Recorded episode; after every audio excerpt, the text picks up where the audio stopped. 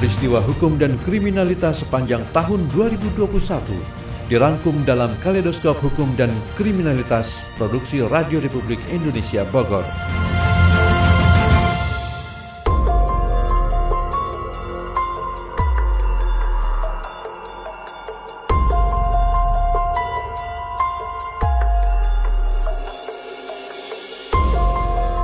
Tidak lama lagi kita akan meninggalkan tahun 2021 dan menyongsong 2022.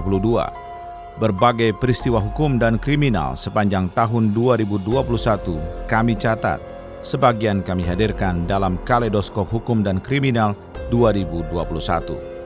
Kaleidoskop ini kami awali dengan peristiwa yang terjadi pada bulan Januari 2021, di mana Bares Krim Polri akhirnya menetapkan pimpinan Front Pembela Islam Muhammad Rizik Sihab sebagai tersangka dalam kasus Rumah Sakit Umi Bogor.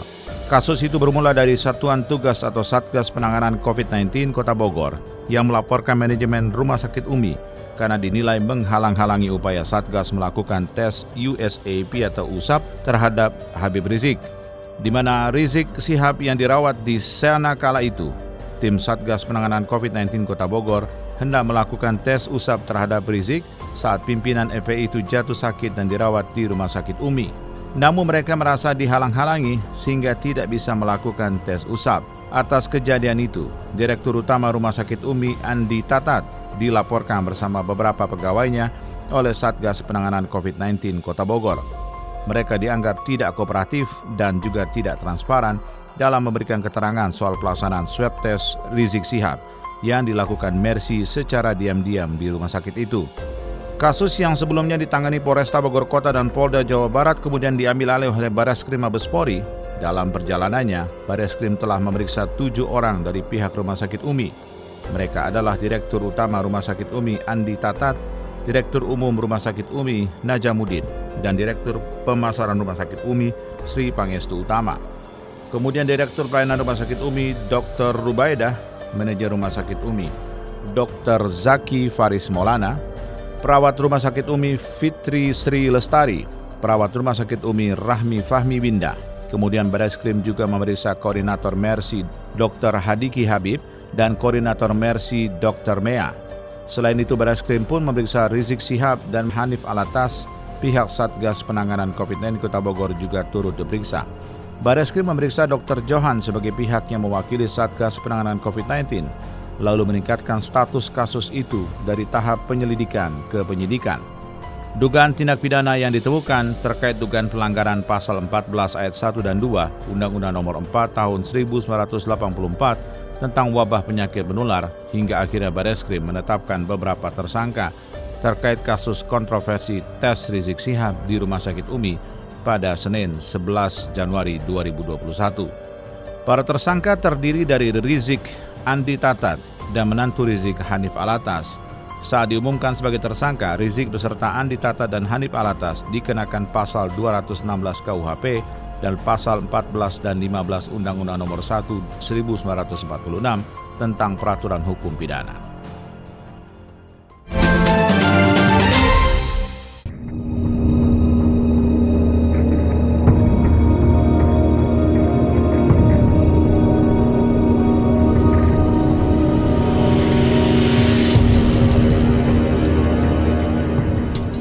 Adalah termasuk dalam kaitan serial killer atau pembunuhan berantai.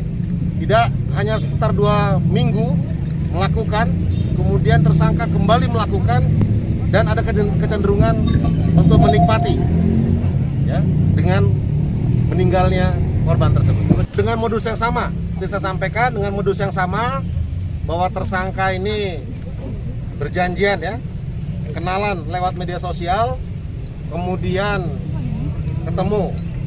Dibawa dengan iming-iming. Sejumlah uang dibawa ke sebuah penginapan. Selesai berkencan korban dihabisi nyawa dengan cara cekik kemudian barang-barangnya diambil. Pada 25 Februari 2021 lalu, warga kampung Jembatan 2 di Jalan Raya Cilebut RT 2 RW 3 Kelurahan Sukaresmi Tanah Sareal Kota Bogor digembarkan dengan penemuan mayat dalam kantong plastik hitam. Jasad itu ditemukan sekitar pukul 7 waktu Indonesia Barat Kepala Polresta Bogor Kota, Komisaris Besar Polisi Susatyo Purnomo Chondro menjelaskan, mayat wanita itu dalam kondisi terikat. Dikenal sadis saat beraksi, sang pelaku berinisial MRI 21 tahun telah ditangkap oleh anggota kepolisian Polresta Kota Bogor di wilayah Depok, Jawa Barat. Kapolresta Bogor Kota, Komisaris Besar Polisi Susatyo Purnomo Chondro menjelaskan, aksi MRI terbongkar setelah pihaknya memeriksa 15 saksi dan ditangkap di tempat persembunyiannya di Depok. Modus yang digunakan oleh pelaku menurut Susatyo yaitu dengan berkenalan dengan korbannya lewat sosial media, kemudian diiming-imingi uang, mengajak bertemu, kemudian dibawa ke penginapan. Susatyo mengungkapkan tersangka membunuh dengan cara mencekik teman kencannya. Jasad korban kemudian dimasukkan ke dalam tas gunung, lalu korban dibuang di tempat yang berbeda, di lokasi terbuka yaitu di pinggir jalan. Atas perbuatannya, Emery dikenakan pasal 76C junto pasal 80 ayat 1 3 Undang-Undang Republik Indonesia Nomor 35 Tahun 2014 tentang perubahan atas Undang-Undang Republik Indonesia Nomor 23 Tahun 2002 tentang perlindungan anak dan pasal 340 KUHP lebih subsidiar 365 ayat 3 KUHP dengan ancaman hukuman 15 tahun setinggi-tingginya hukuman mati.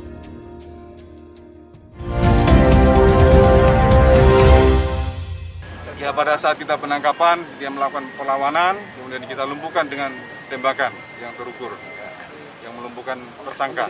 Dan ini dia residivis. MP-nya ini kita geledah pada saat uh, yang bersangkutan di rumah dan kita dapati di tasnya, tas yang bersangkutan, kita cek ternyata ada senpi dan juga perlengkapan-perlengkapan untuk uh, pelaksanaan untuk mengancam masyarakat untuk uh, apa uh, melawan. Ada empat tersangka yang tergolong residivis ini antara tersangka YP, tersangka An, tersangka TD dan juga uh, satu lagi tersangka dari Palembang. Ya, ini semua residivis, kemudian jaringannya langsung ke pem, uh, pembeli, uh, menjualnya langsung ke Cianjur. Jadi hari itu mengambil, hari itu juga langsung diambil di, uh, diarahkan ke Cianjur dengan alur mulai dari Jonggol dan uh, sampai ke atas, jadi menghindari atau menghindari jalan-jalan ramai. Pada bulan Maret 2021, tim Satuan Reserse Kriminal Polres Bogor, Jawa Barat menembak dua orang pria pelaku pencurian kendaraan bermotor atau curanmor. Kedua pria itu merupakan bagian dari 60 orang spesialis curanmor yang ditangkap polisi di wilayah Kabupaten Bogor, Jawa Barat. Kapolres Bogor, Ajun Komisaris Besar Polisi Harun mengatakan bahwa kedua pria itu merupakan residivis curanmor berinisial AW 34 tahun dan YP 23 tahun. Saat konferensi pers di Mapores Bogor di Cibinong, Harun menyebut bahwa saat penangkapan polisi terpaksa menembak kedua pelaku curanmor sebab keduanya melawan petugas lalu berupaya melarikan diri. Tersangka AW ditangkap di daerah Tangerang, Banten. Polisi langsung melakukan pengembangan terhadap pelaku lainnya. Berikutnya, EP ditangkap di daerah Curug, Tangerang, dan dikenal sadis saat beraksi, polisi menemukan barang bukti berupa senjata api beserta lima peluru di lokasi penangkapan. Kepolisian Resor Bogor menangkap 60 pelaku pencurian kendaraan bermotor atau curanmor di wilayah Kabupaten Bogor, Jawa Barat. Penangkapan itu merupakan hasil operasi kejahatan kendaraan atau Jaran Dolodaya selama 22 Februari hingga 3 Maret 2021. Dari 60 pelaku curanmor itu, empat di antaranya merupakan residivis pencurian kendaraan bermotor, sementara tiga pelaku lainnya adalah penadah hasil curian.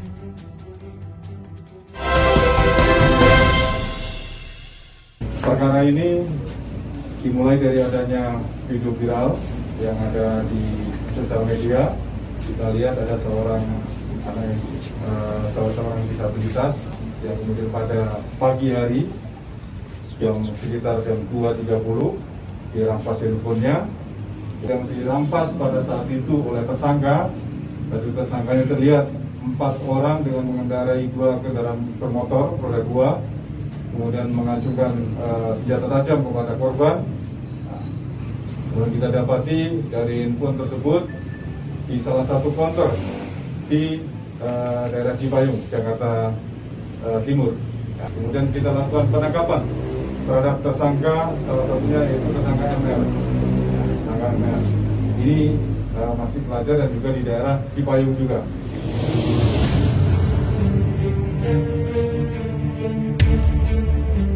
Pada bulan April 2021, aparat Polres Bogor menangkap pelaku begal ponsel milik seorang penyandang disabilitas yang videonya viral beberapa waktu lalu di sosial media. Kasus itu bermula ketika seorang penyandang disabilitas bernama Teddy Shah, 23 tahun, didatangi empat orang tidak dikenal di sebuah warung kecamatan Jonggol, Kabupaten Bogor. Kemudian pelaku mengancam korban menggunakan celurit dan melakukan perampasan dua handphone milik penyandang tunarungu itu. Kapolres Bogor AKBP Harum mengatakan ada empat orang yang terlibat dalam perampokan handphone itu, namun baru satu orang ditangkap yang merupakan seorang pelajar berinisial MR 17 tahun, warga Kecamatan Cipayung, Jakarta Timur. MR ditangkap bersama barang bukti berupa satu unit handphone, satu unit sepeda motor, dan digunakan pelaku dalam melancarkan aksinya, dan satu unit helm. Dalam aksinya, pelaku kerap menggunakan celurit untuk menakuti agar mudah menyerahkan barang milik korban sehingga tidak terjadi perlawanan. Dari keterangan yang didapat, komplotan mereka juga melakukan tindakan serupa yang sempat viral di tahun 2019. Atas perbuatannya, MR dikenakan pasal 363 ayat 4 KUHP, yaitu dengan ancaman hukuman maksimal 7 tahun penjara dan 365 KUHP dengan ancaman hukuman maksimal 12 tahun penjara.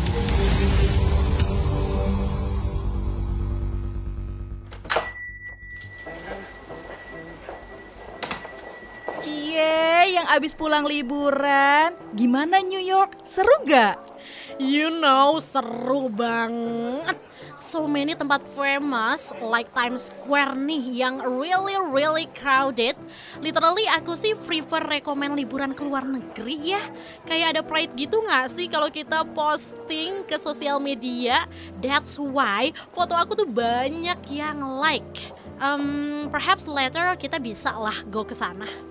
Ih, Maisaro, Maisaro. Ngomong apa sih dari tadi? Kamu nggak understand? Gak gaul nih. Normally, anak zaman now tuh gini kali talknya. Maisaro, belajar bahasa asing itu bagus-bagus aja. Tapi kita juga perlu tahu cara penempatannya. Dan yang paling penting sih, kita nggak lupa ya sama bahasa kita. Kamu inget kan ikrar Sumpah Pemuda poin ketiga? Menjunjung bahasa persatuan, bahasa Indonesia. Ingat dong. Iya ingat. Makasih ya Francisca udah ngingetin. Anda masih bersama Radio Republik Indonesia Bogor dalam Kaleidoskop Hukum dan Kriminalitas tahun 2021.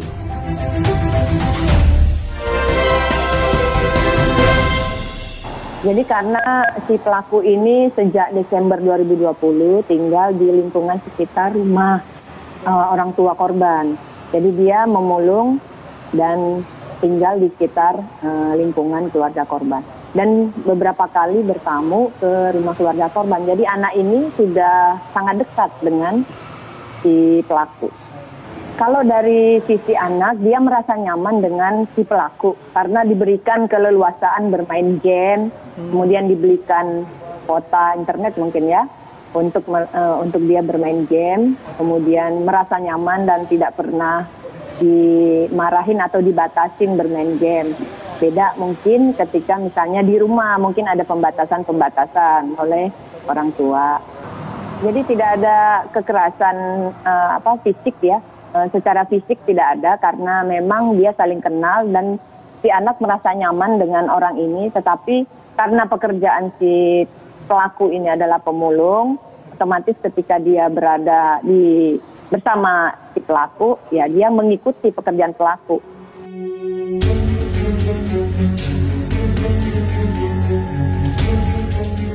Pada bulan Mei 2021, Satuan Reserse Kriminal Polres Sukabumi Kota mengungkap kasus penculikan AM 11 tahun, warga Jalan Sikip, Kelurahan Nanggeleng, Kecamatan Citamiang, Sukabumi, Jawa Barat. Pelaku berinisial B alias W alias WA Gimbal 46 tahun berhasil ditangkap saat menyantap hidangan di warung nasi di daerah Pasar Kamis, Tangerang, Banten pada pukul 17.30 waktu Indonesia Barat hari Senin 24 Mei 2021. Kapolres Sukabumi Kota, Ajun Komisaris Besar Polisi Sumarni saat konferensi pers menyatakan perkara dugaan penculikan anak berawal dari laporan pihak keluarga pada 11 April 2021 setelah mendapatkan laporan, pihaknya langsung menggelar penyelidikan dengan diawali meminta keterangan sejumlah saksi termasuk pelapor. Pihak Polres Sukabumi Kota juga mendapatkan sejumlah barang bukti seperti ponsel milik korban dan pelaku serta bukti percakapan melalui media sosial. Menurut Sumarni, pelaku diketahui memang sering bermain game online bersama korban. Sumarni mengatakan pelaku awalnya membawa korban ke Bogor, selanjutnya pelaku dan korban berangkat menuju Tangerang dengan mengayuh becak. Penyelidikan perkara ini mendapat dukungan dari Mabes Polri dan bekerja sama dengan beberapa Polres.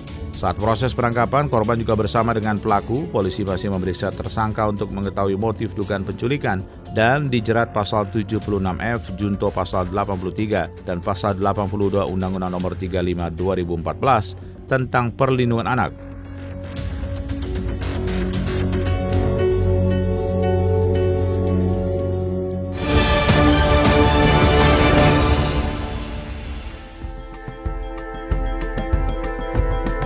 Menyatakan terdakwa Muhammad Rizik bin Hussein Sihab alias Habib Muhammad Rizik Sihab telah terbukti secara sah dan meyakinkan bersalah melakukan tindak pidana turut serta melakukan perbuatan dengan menyiarkan pemberitahuan bohong dengan sengaja menerbitkan keonaran di kalangan rakyat sebagaimana dalam dakwaan alternatif pertama primer penuntut umum. Dua, menjatuhkan pidana kepada terdakwa oleh karena itu dengan pidana penjara selama empat tahun.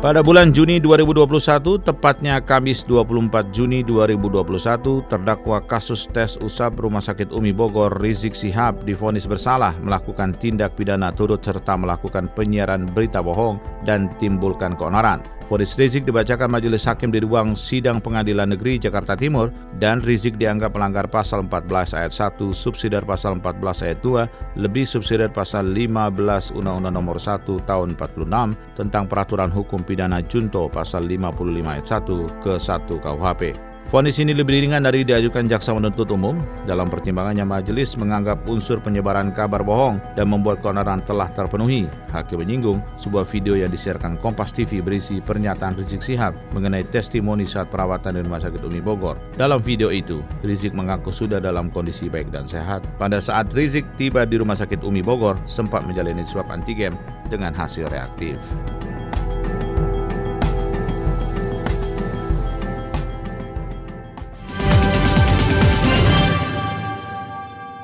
Pelaku atas nama AM ini sudah diamankan oleh tim Jatan Ras Polda bekerja sama dengan Polres Depok. Posisi yang bersangkutan sekarang ada di Polda. Jadi yang bersangkutan ada dua kasus yang ditangani oleh Polda adalah pencurian HP, yang ditangani Polres Depok adalah kasus pembunuhan.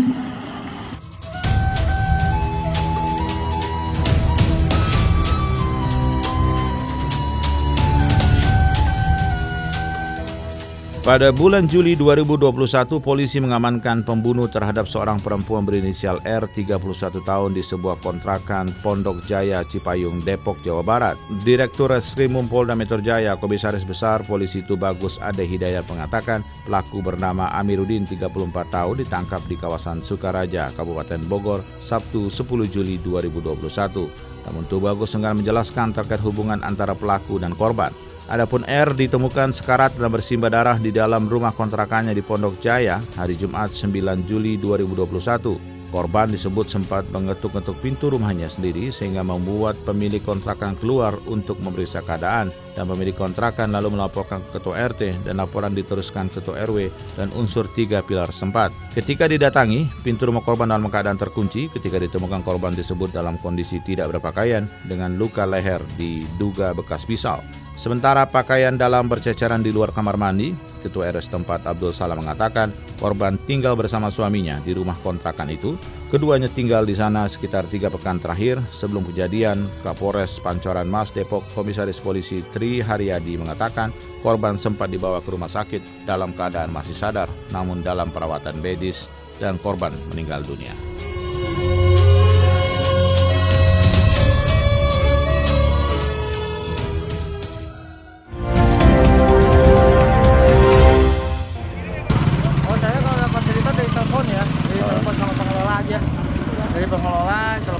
5 saya ke sini okay. meluncur saya menanyakan ada apa uh -huh. katanya ada mutilasi Oke. Nah, saya bilang mutilasi kok bisa? Mm-mm. Nggak tahu pak. Di mana karyawan bukan? Bukan kayaknya konsumen. Oke. Saya masuk. Mm. Saya melihat bau menyengat. Nggak jadi saya lihat. Diperkirakan perempuan, nah nanti karena tidak bisa dilihat secara kasat mata ya, nanti kami pertama akan sampaikan lagi. Setahu sejauh ini kami melihat masih lengkap ya, masih lengkap. Nah, tapi nanti kita lihat, nanti hasil otopsi akan menentukan. Ya, kalau mati tidak wajar ya, tapi kalau mutilasi nanti kita lihat hasil otopsinya apa.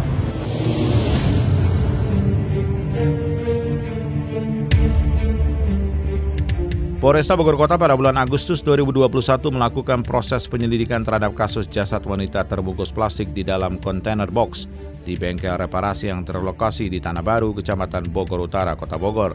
Terkait hal itu, Polresta Bogor koordinasi dengan Kedutaan Besar Korea karena ada saksi dari warga negara Korea. Hal itu disebutkan Kepala Satuan Reserse Kriminal Kasatreskim Polresta Bogor Kota, Komisaris Polisi Doni Erwanto pada Rabu 25 Agustus 2021. Sebelumnya jasad wanita ini pertama kali ditemukan dalam mobil MPV hitam di dalam bengkel reparasi berlokasi di Tanah Bar, Kecamatan Bogor Utara. Saat ditemukan, mayat wanita itu sudah terbungkus plastik dan dimasukkan ke dalam kontainer box.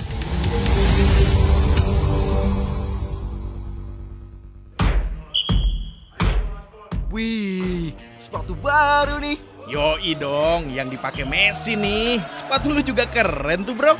Yoi dong, Ronaldo punya nih bro. Eh, tapi lihat tuh sepatu si Marcel. Sepatu apa tuh bro? Merek lokal, Bro, buatan Indonesia ini mah. Elah, gaji gede, duit banyak, masih aja pakai buatan lokal. Ngirit apa pelit, Bro? Kualitasnya kurang kali. Eh, sembarangan bilang kualitas buatan dalam negeri kurang. Coba cek sepatu kalian berdua, buka sepatunya, lihat buatan mana. Eh, Nantangin. Impor nih, Bro. Beli di luar lah. Made in Indonesia yang gua, Bro. Coba. Lah, yang gua buatan Indonesia juga. Justru kualitas buatan kita itu terbaik bro Dari sepatu, elektronik, fashion, sampai pernak-pernik udah diakuin sama dunia Ngapain beli barang impor kalau kualitas produk kita lebih oke? Kalau gue sih bangga buatan Indonesia Saatnya kita bangga buatan Indonesia.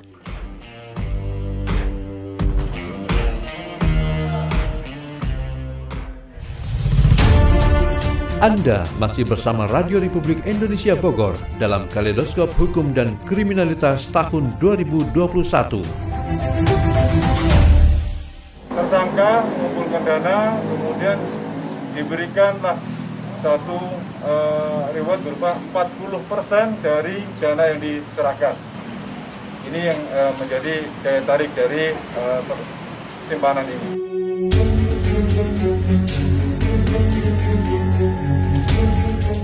Kita ke bulan September 2021, kasus dugaan penipuan berkedok investasi yang menawarkan keuntungan besar menghebohkan warga Kecamatan Sukajaya, Kabupaten Bogor, Jawa Barat. Pasalnya, jumlah korban mencapai 937 orang. Rata-rata korban dugaan investasi ini merupakan warga dari dua desa di Kecamatan Sukajaya itu. Kepala Satuan Reserse Kriminal Polres Bogor Ajun Komisaris Polisi Handreas Erdiani menyebutkan jumlah korban dugaan penipuan bertambah sebanyak 100 orang dengan tingkat kerugian 7,5 miliar. Para korban ini tertipu janji keuntungan besar dari investasi fiktif. Dalam melakukan aksinya, tersangka menggunakan modus penghimpun dana atau menanam modal dari orang-orang terdekat atau keluarga lebih dahulu dengan keuntungan sebesar 40% setiap bulannya. Ratusan korban akhirnya melaporkan kasus tersebut ke Polres Bogor. Andreas mengatakan tidak menutup kemungkinan jumlah tersangka bertambah lebih banyak lagi.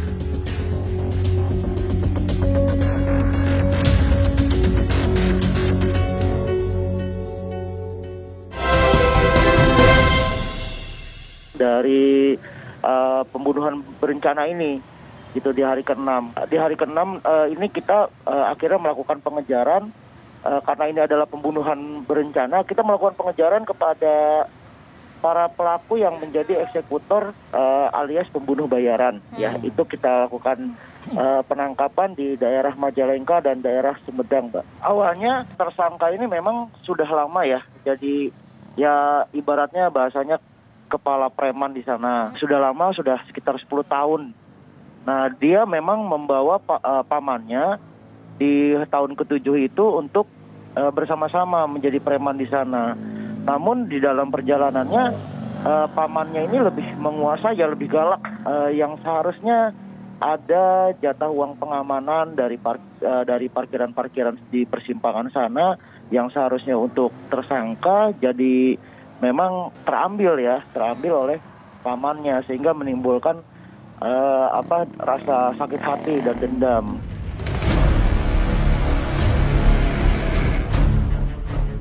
Pada bulan Oktober 2021, Polres Bogor menangkap ND 32 tahun dan DA 23 tahun menjadi eksekutor pembunuhan seorang juru parkir di Kecamatan Cilengsi, Kabupaten Bogor, Jawa Barat. Tersangka mengaku terlibat aksi keji itu lantaran dijanjikan sebesar 5 juta rupiah per orang dan kedua pelaku disuruh melakukan pembunuhan oleh AH 41 tahun yang tak lain adalah keponakan dari korban atau juru parkir berinisial GP. Kapolres Bogor AKBP Harum mengatakan pembunuhan bermula dari rasa sakit hati.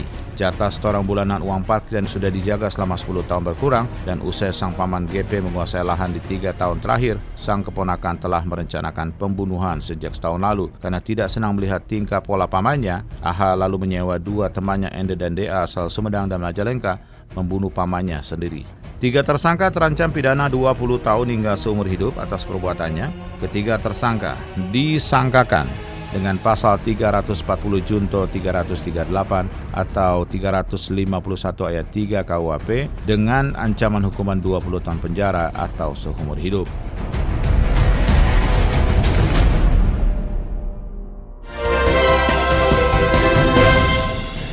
Menjadi korban meninggal dua meninggal dunia adalah Bapak uh, Yasin. Ini adalah pengemudi uh, taksi Bluebird. Ini meninggal dunia karena luka uh, senjata tajam pada bagian paha. Kemudian tersangka mengambil handphone milik korban dan tersangka telah berhasil ditangkap atas nama Renaldi dan satu lagi eh, DPO. Pada saat sopir taksi ini mangkal di Gang Gunung Gede sebelah Bumiaki ya, itu tersangka lewat. Kemudian melihat karena korbannya ini sendiri sedang main handphone, dia langsung di berusaha diambil handphonenya. Karena per, apa namanya eh, korban ini melawan, dia akhirnya dibacok di bagian kakinya. Ini sesuai dengan keterangan saksi yaitu supir eh, apa namanya security di perumahan tersebut.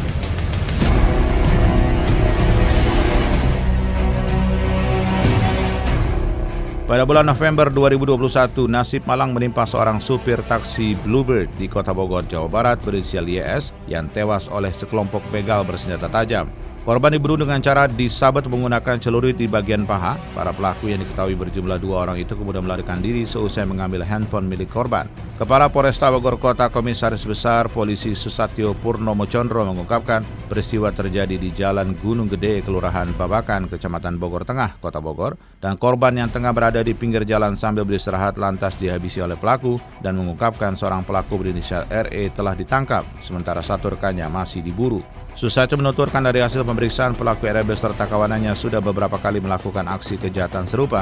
Tercatat komplotan kriminal itu sudah melancarkan aksinya di delapan lokasi berbeda. Atas kejahatannya, pelaku dikenakan pasal 365 KUHP tentang pencurian yang dahului disertai atau diikuti dengan kekerasan atau ancaman kekerasan terhadap orang dengan maksud untuk mempersiapkan atau mempermudah pencurian dengan ancaman hukuman pidana maksimal 12 tahun penjara.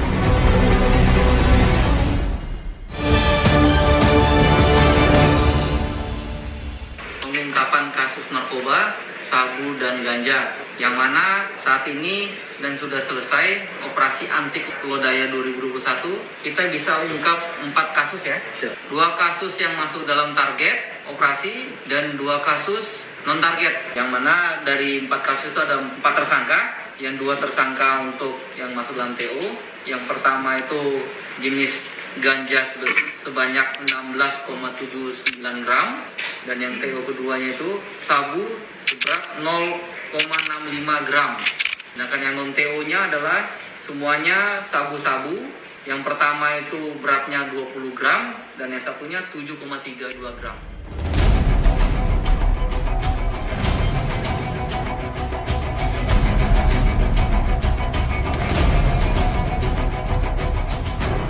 Pada bulan Desember 2021 sekaligus menjadi catatan akhir dalam rangkaian Kaleidoskop Hukum dan Kriminal 2021, redaksi mencatat Satuan Reserse Narkoba Polres Sukabumi berhasil mengungkap empat kasus tindak pidana peredaran narkoba yang terjadi di wilayah hukum Kabupaten Sukabumi. Kapolres Sukabumi AKBP Dedi Darma menjelaskan dalam pengungkapan kasus narkotika itu, IB hanya mengamankan empat tersangka dengan barang bukti belasan gram ganja, puluhan gram sabu, serta telepon genggam. Dedi mengatakan tersangka yang berhasil ditangkap berinisial AA, ED, AS, dan AH. Mereka ditangkap dalam operasi anti Lodaya 2021 yang digelar Polres Sukabumi. Modus operandi dilakukan tersangka dalam melakukan peredaran narkotika jenis ganja kering dan sabu tersebut adalah dengan menempel atau meletakkan barang haram itu di tempat-tempat tertentu. Sementara pasal yang dikenakan kepada para tersangka yaitu pasal 114, 111, 112 Undang-Undang Nomor 35 2009 tentang narkotika dengan ancaman hukuman 4 tahun dan maksimal penjara seumur hidup.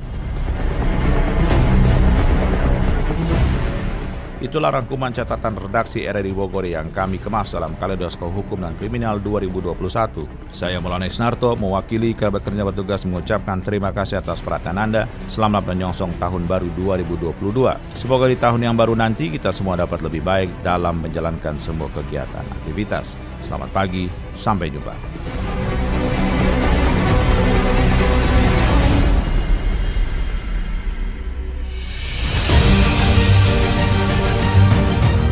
Demikian baru saja Anda ikuti Kaleidoskop Hukum dan Kriminalitas tahun 2021 Produksi Radio Republik Indonesia Bogor